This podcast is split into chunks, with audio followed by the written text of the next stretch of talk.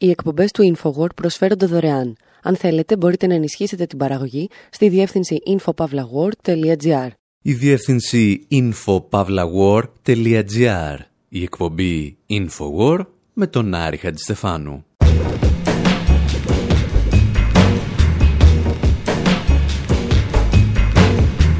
Όπου σήμερα μοιραζόμαστε ορισμένες μουσικές, κινηματογραφικές και λογοτεχνικές σκέψεις για το ευχάριστο για ορισμένους γεγονός των τελευταίων εβδομάδων. Το θάνατο του προσωπικού φίλου της οικογένειας Μητσοτάκη, George Bush, του πρεσβύτερου. Αναρωτιόμαστε αν ήταν ένας από τους μεγαλύτερους εγκληματίες πολέμου που γνώρισε η ανθρωπότητα στο δεύτερο μισό του 20ου αιώνα και περιμένουμε τις απαντήσεις από τον Neil Young και τους Sonic Youth.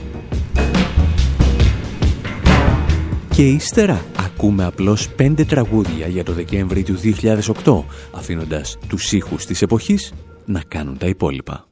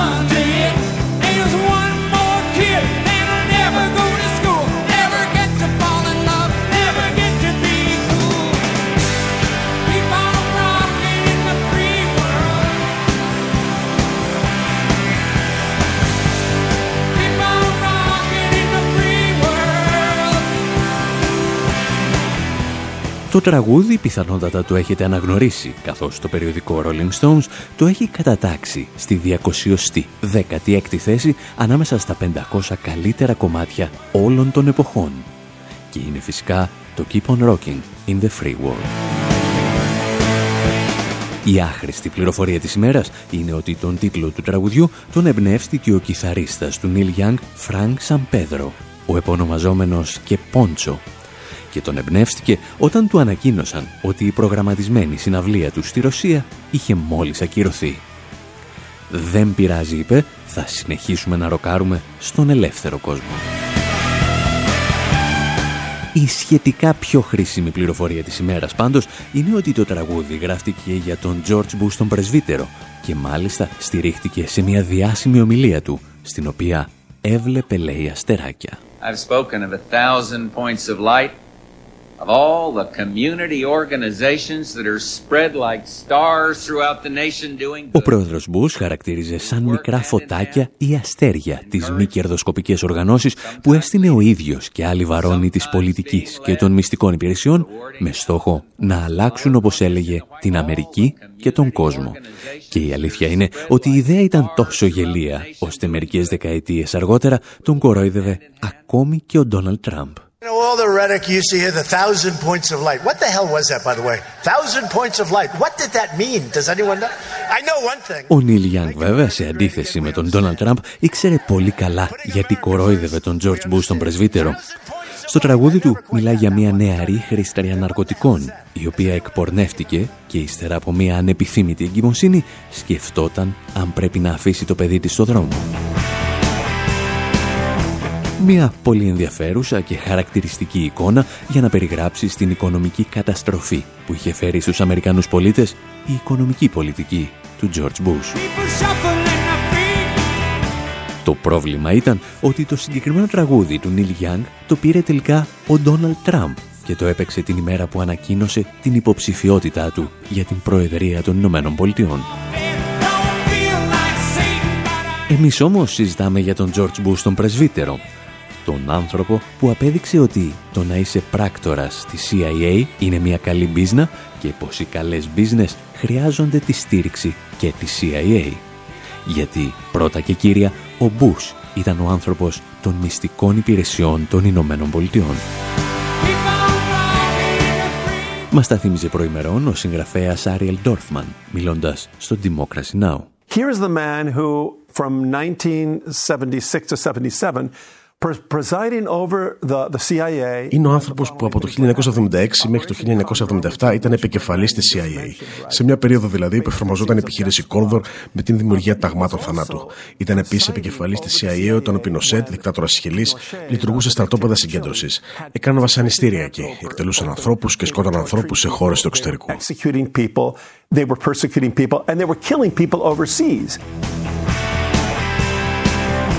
Η επιχείρηση Κόνδορ δεν αφορούσε φυσικά μόνο τη Χιλή, αλλά και τις δικτατορίες και τα αυταρχικά καθεστώτα της Αργεντινής, της Βολιβίας, της Βραζιλίας, της Παραγουάης, του Περού και της Ουρουγουάης.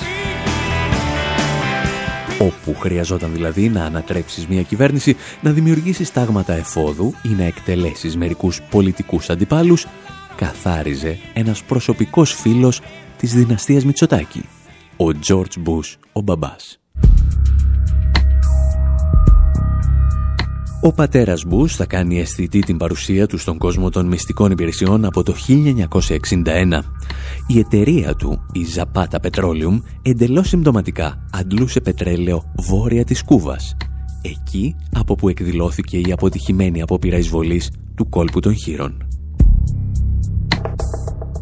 Αρκετοί ιστορικοί υποστηρίζουν ότι η εταιρεία του Μπούς ήταν απλώς μία βιτρίνα για τη CIA το βέβαιο είναι ότι είχε μετατρέψει τις πλατφόρμες άντλησης πετρελαίου σε σταθμούς παρακολούθησης της επαναστατικής κυβέρνησης του Φιντέλ Κάστρο και του Τσε Γκεβάρα. Cuban army pilots opened the first phase of organized revolt with bombing raids on three military bases. Τα αμερικανικά επίκαιρα της εποχής μιλούσαν βέβαια με ενθουσιασμό για την εισβολή που είχε οργανώσει η CIA τουλάχιστον τις πρώτες ώρες, γιατί ύστερα έβαλαν την ουρά κάτω από τα σκέλια και αποδέχθηκαν την αποτυχία της επιχείρησης.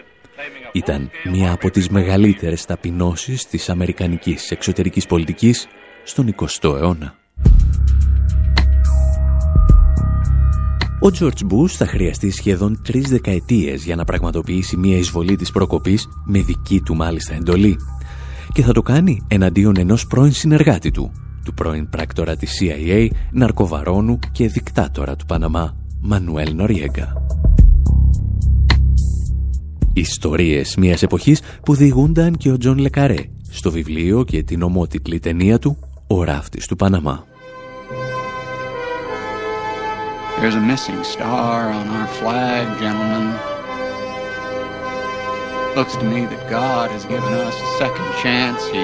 Στο ράφτη του Παναμά, οι Αμερικανοί στρατηγοί προετοιμάζουν μία εισβολή στη χώρα. Αυτό δηλαδή που είχε κάνει στην πραγματικότητα ο George Bush ο πρεσβύτερος. While President Bush's death has dominated the news for days, little attention has been paid to the defining event of Bush's first year in office. Ενώ ο θάνατος του Προέδρου Μπούς κυριαρχεί εδώ και μέρες στην επικαιρότητα, λίγη έμφαση έχει δοθεί στο πιο χαρακτηριστικό γεγονός του πρώτου χρόνου της Προεδρίας του, την εισβολή στον Παναμά. Στις 19 Δεκεμβρίου 1989, ο Μπούς έστειλε δεκάδες χιλιάδες στρατιώτες στον Παναμά, θεωρητικά για να εκτελέσει ένα ένταλμα σύλληψης του ηγέτη της χώρας, Μανουέλ Νοριέγκα, με την κατηγορία της παράνομης διακίνησης ναρκωτικών. Ο Νοριέγκα είχε υπάρξει στενός σύμμαχος της Ουάσιγκτον και πληρωνόταν από τη CIA. During the attack, the U.S. unleashed a force of 24,000 troops equipped with highly sophisticated weaponry and air. Κατά τη διάρκεια της επίθεσης, οι ΗΠΑ έστειλαν δυνάμεις 24.000 στρατιωτών με εξελιγμένο οπλισμό και αεροσκάφη εναντίον μιας χώρας της οποίας ο στρατός ήταν μικρότερος από το αστυνομικό τμήμα της Νέας Υόρκης. Περίπου 3.000 άτομα σκοτώθηκαν από την επίθεση του Παναμά. Όμως ο πόλεμος δεν προβλήθηκε καθόλου από τα Αμερικάνικα μέσα ενημέρωσης.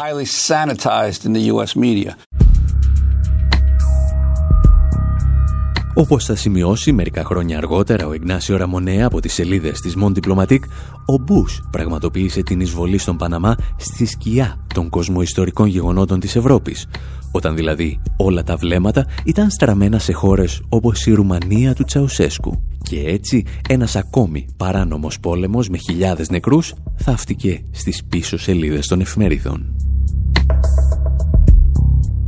Ο George Bush, ο πατέρας, είχε πάντα αυτή την τρομακτική ικανότητα να κρύβει τα εγκλήματα πολέμου και τα εγκλήματα κατά της ανθρωπότητας που πραγματοποιούσε, όπως έκανε και στο Ιράκ. Για αυτή την ιστορία όμως θα χρειαστούμε τη βοήθεια των Siniestro Total, ισπανική punk και rock μουσική της δεκαετίας του 80 στα πιο πολιτικά της.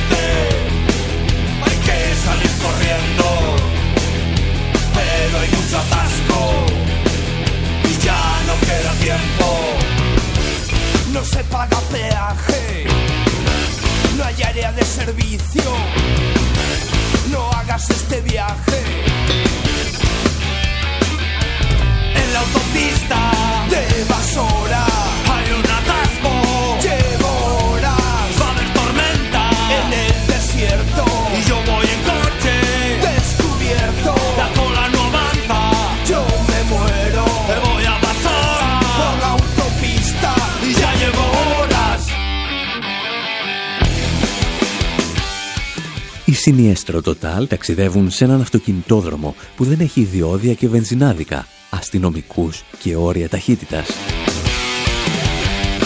Τα μόνα ραντάρ, λένε, πετάνε από πάνω μας και το ποτηλιάρισμα δεν μας αφήνει να κουνηθούμε. Η θερμοκρασία αγγίζει τους 50 βαθμούς και οι μηχανές των αυτοκινήτων παίρνουν φωτιά. Ο μόνος τρόπος για να σωθείς είναι να τρέξεις, αλλά υπάρχει αυτή η καταραμένη κίνηση. Οι Σινιέστρο Total διηγούνται την ιστορία των Ιρακινών στρατιωτών που σφαγιάστηκαν μαζικά από τις Ηνωμένες Πολιτείες και τον Καναδά μετά το τέλος του πρώτου πολέμου του Περσικού κόλπου. Ίσως το μεγαλύτερο καταγεγραμμένο έγκλημα πολέμου μετά το τέλος του Δευτέρου Παγκοσμίου Πολέμου. On the night of February 26, 1991, the Iraqi army formed a massive column and began retreating using Highway 80 Τη νύχτα της 26 Φεβρουαρίου 1991, ο Ρακινό στρατός σε κομβόι άρχισε να πιστοχωρεί χρησιμοποιώντας την Εθνική Οδό 80 που έρανε το Ιράκ με το Κουβέιτ.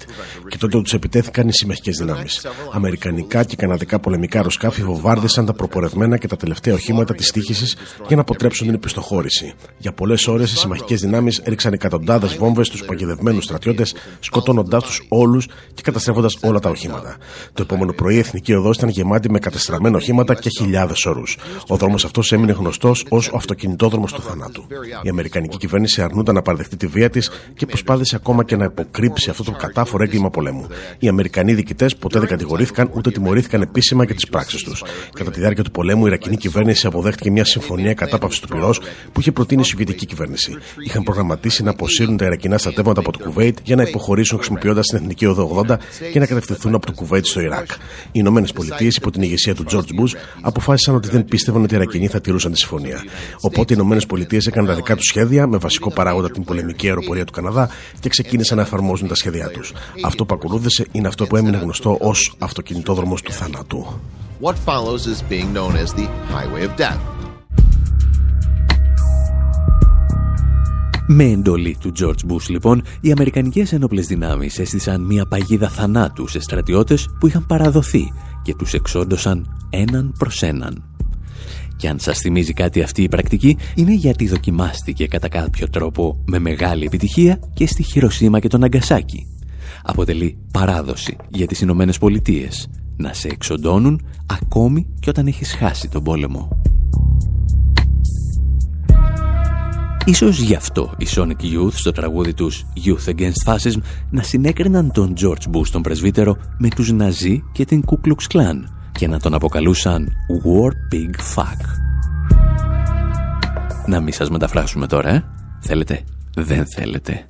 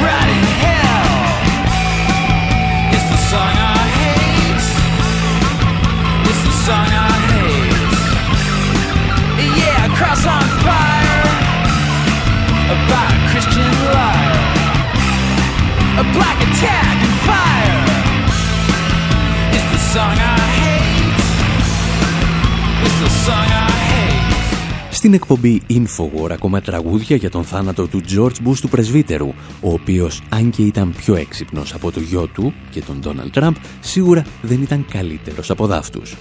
Όπως δεν ήταν και τόσο διαφορετικός από τον Bill Clinton και τον Barack Obama, που τον διαδέχθηκαν. Παραδόξως όμως, πολύ λιγότεροι έγραψαν τραγούδια για να καταδικάσουν τα εγκλήματά του ίσως με εξαίρεση τον πόλεμο του κόλπου που απασχόλησε από τους Rolling Stones μέχρι τον Roger Waters. Εμείς όμως προτιμήσαμε να κλείσουμε αυτό το μέρος της εκπομπής με τους Ghetto Boys που εξηγούν με σαφήνεια ότι δεν πρόκειται να πεθάνουν για έναν τέτοιο πρόεδρο. Τους ακούμε και επιστρέφουμε στο δεύτερο μέρος της εκπομπής με ιστορίες από το Δεκέμβρη του 2008 θυμόμαστε τραγούδια από τους δρόμους της φωτιάς και σας δίνουμε δωρεάν το βιβλίο Δεκέμβρης 2008. Ιστορία ερχόμαστε, κοίτα τον ουρανό. Can I speak with Bushwick Bill? Hello, this is Bushwick. motherfucking bill. Yes, sir. I'm calling to inform you that you've been uh, drafted into the United States military. The United States wants me for what? Excuse me, sir. Bushwick.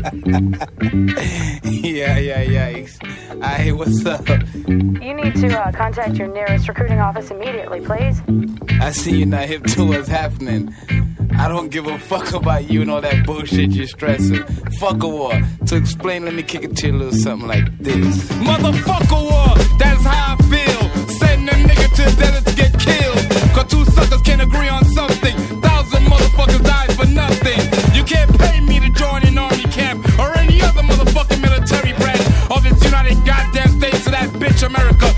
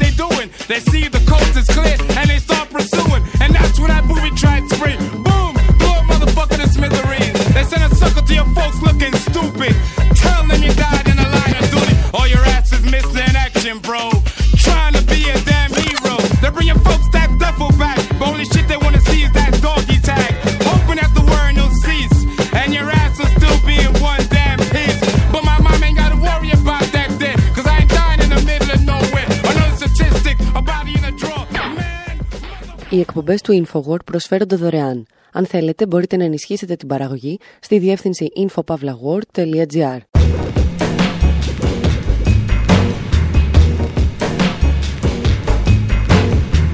Η εκπομπή Infowar με τον Άρη Χατζηστεφάνου. Όπου για τη συμπλήρωση 10 χρόνων από το Δεκέμβρη του 2008 σκεφτήκαμε ότι δεν έχουμε τίποτα καινούριο να πούμε. Το οποίο δεν είναι πολύ καλό για έναν ραδιοφωνικό παραγωγό, αλλά είναι έτσι όπως αισθανόμαστε. Γι' αυτό ανεβάσαμε στη σελίδα μας το βιβλίο Δεκέμβρης 08 Ιστορία ερχόμαστε, κοίτα τον ουρανό και το προσφέρουμε δωρεάν. Στη διεύθυνση info.pavlawar.gr Και επειδή υπάρχουν πολλοί άλλοι που είπαν πολλά και ενδιαφέροντα, κυρίως μέσα από τραγούδια τους, σκεφτήκαμε σε αυτό το δεύτερο μέρος της εκπομπής να τους δώσουμε το λόγο.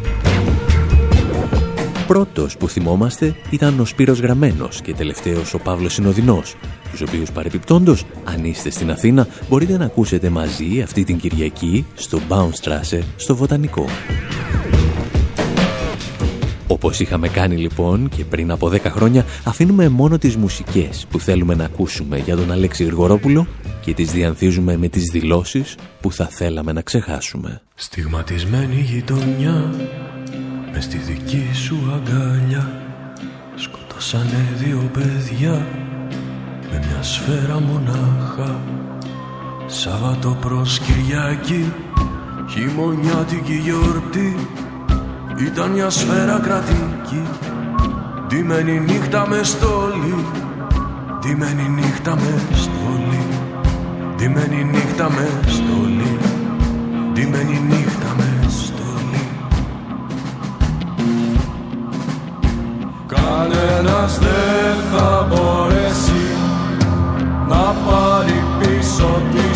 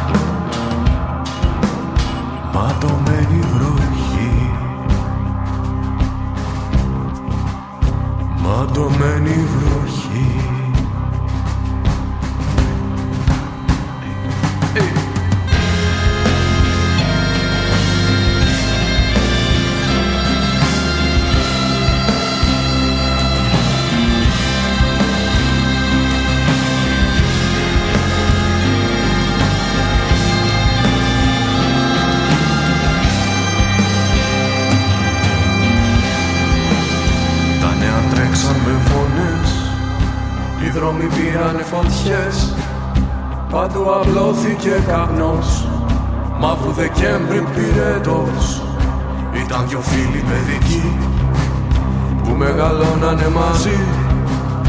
Το ένα γόρι είναι στη γη Τ' άλλο δεν θα είναι πια παιδί.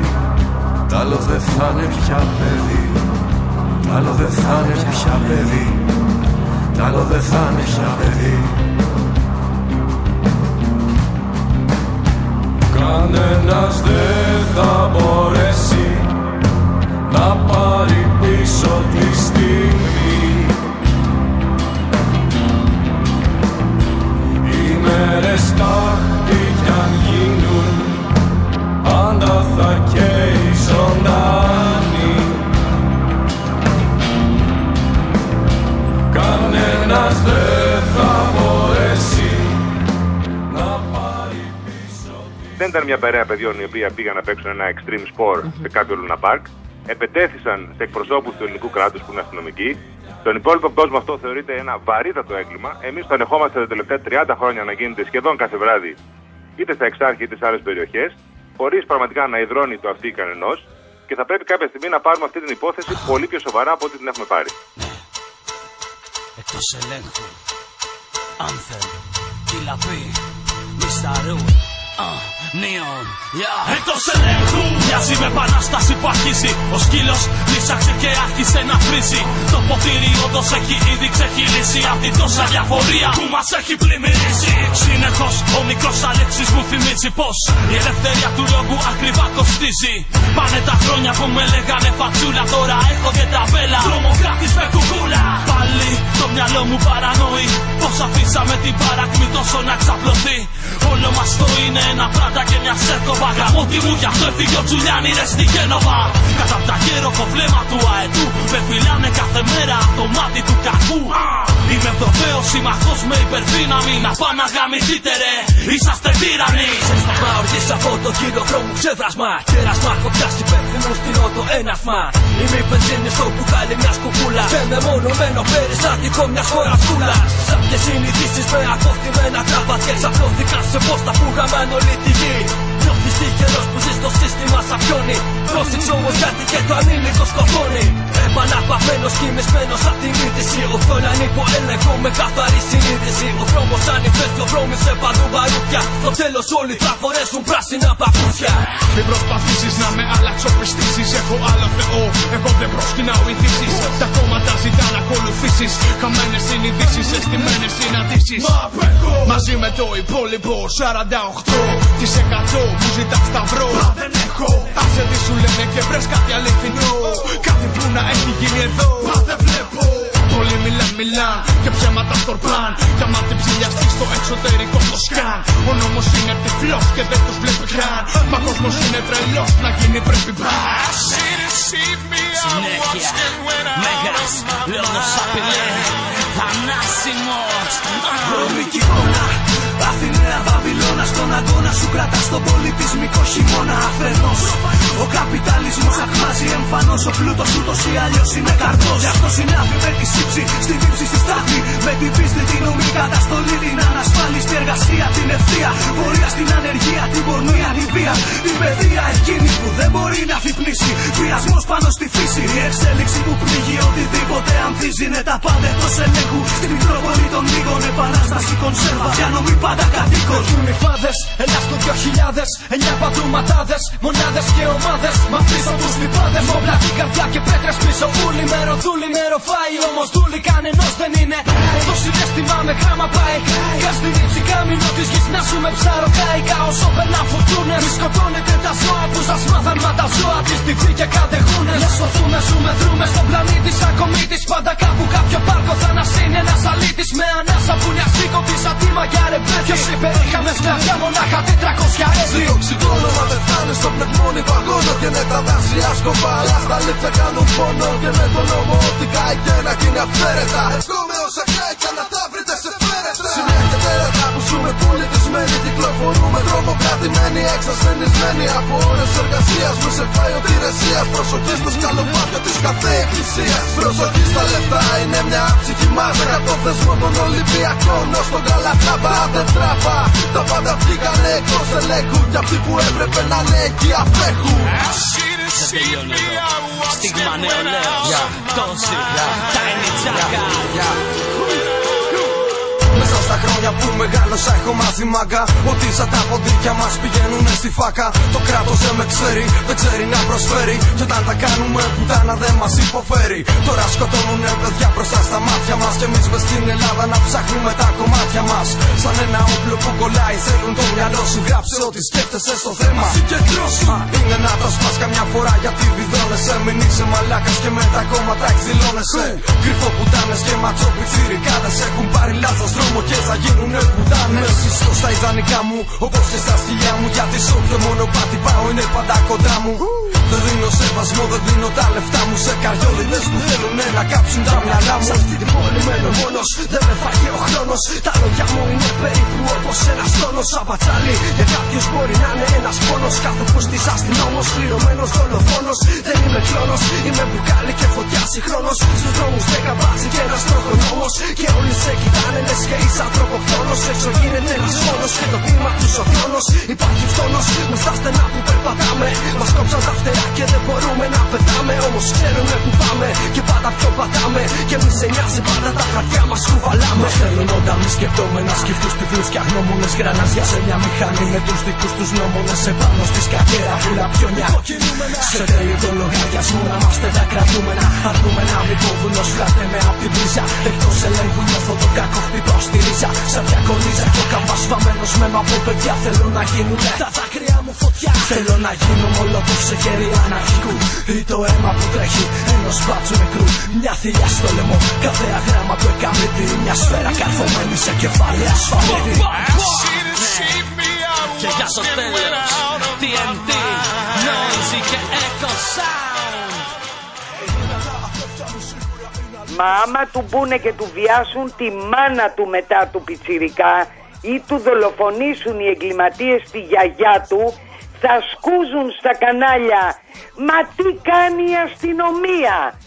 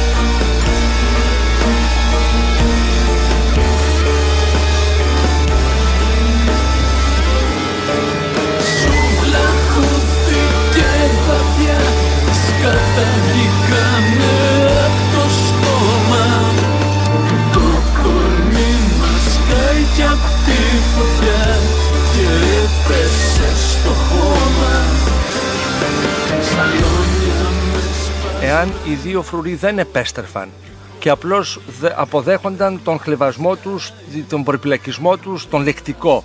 Άρα, λοιπόν, έχει θα λέγαμε απόλυτο δίκιο. ένα ακόμη συμβάν. Α, έλα, μωρέ, τελείωσε. Εντάξει, δεν πειράζει. Τα παιδιά εκτονώθηκαν βραδιά Σαββάτου. Πάνε να πιούν καμιά, μπύρα, κανένα μπι- καμιά μπυρίτσα μετά. ε, Τελείωσε το συμβάν. Μα δύο είναι οι επιλογές. Συγγνώμη, Σοφία. δύο είναι οι επιλογές. Ή οργανωμένα πας και λες ότι συλλαμβάνω αυτούς τους θύλακε εγκληματικότητα, τους παίρνω, τους πάω μέσα, τους ανακρίνω, εν πάση περιπτώσει, τους επιβάλλω τις ποινέ που πρέπει, ή τους αφήνω και λέω ακόμα ένα ωραίο Σαββατόβραδο τέλειος.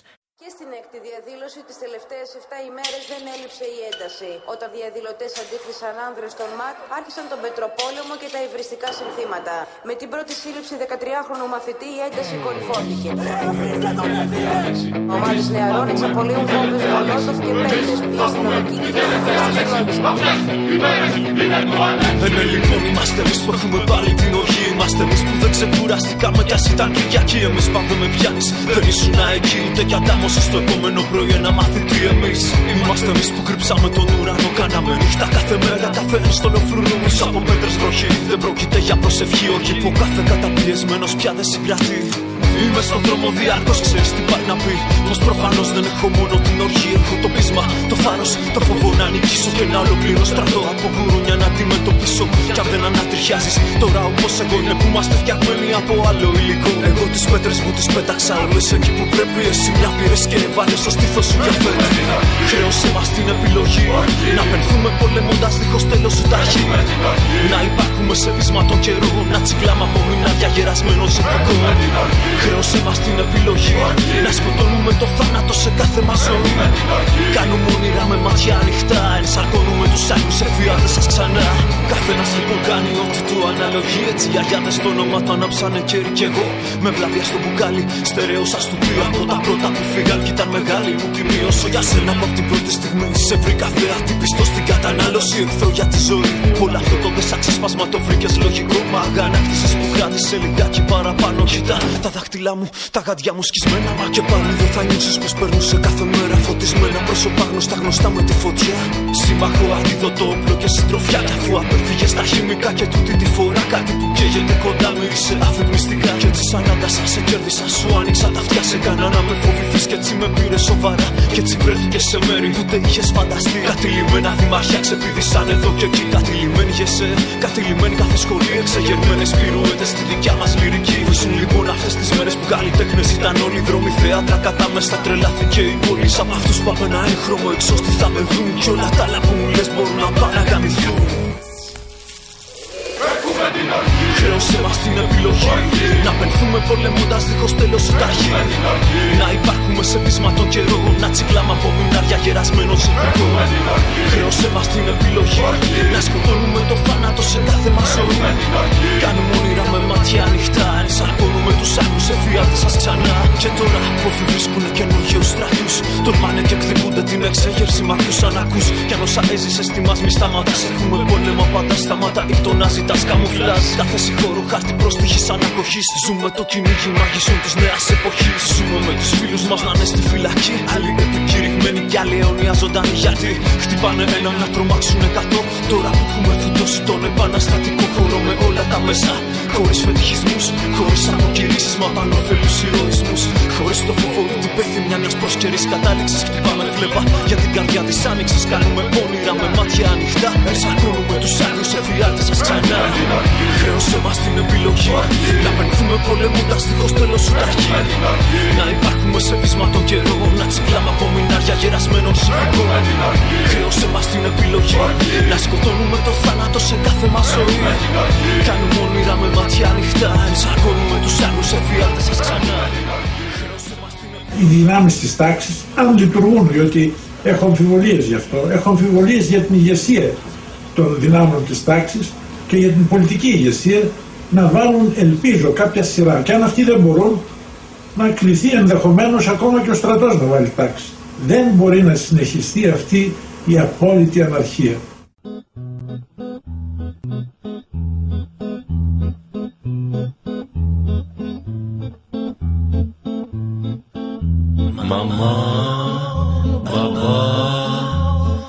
είμαι κουκούλοφόρος Μαμά, μπαμπά, είμαι κακό παιδί. Μαμά, μπαμπά Στη τσάντα έχω μπουκάλια. Μαμά, μπαμπά Στη τσάντα έχω στουπί Ποιος έχει την βενζίνη Ποιος έχει την ευθύνη Ποιος έχει τα πλακά Ποιος τα βαράει τα μάτ Ποιος έχει δικηγόρο Ποιος έχει μαρκαδόρο Ποιος έχει το κουτί με τα μαλόξ Μαμά, μπαμπά Μην τους δικαιολογείτε. Μαμά, μπαμπά Δεν τα σπάσα εγώ. Μαμά, μπαμπά Τα σπάσα να ασφαλείτε. Μαμά, μπαμπά Τον δέντρο εκάψα εγώ Ήπια με χημικά Σπάσαμε μπατσικά Μπήκαμε στο στενό Πήραμε το μέτρο Τους ρίξαμε αυγά. Πέτρες πολύ μπογιά Μα κρατάγαν ασπίδες στα μουνιά Μαμά, μπαμπά, είμαι κουκουλοφόρος, κουκουλοφόρος. Μαμά, μπαμπά, είμαι κακό παιδί, παιδί. Μαμά, μπαμπά, τις τραπεζές βαρούσα, βαρούσα. Μαμά, μπαμπά, τις έβριζες κι εσύ. Όλα είναι δυστυχώς μία παρεξήγηση. Από εκεί και πέρα, το αν έπρεπε ή όχι να πυροβολήσει ο αστυνομικός, το αν τελικώς έπρεπε να χαθεί αυτό το παιδί και αν θα πρέπει και πιο αδίκημα να αποδοθεί στον αστυνομικό, θα το κρίνει η δικαιοσύνη.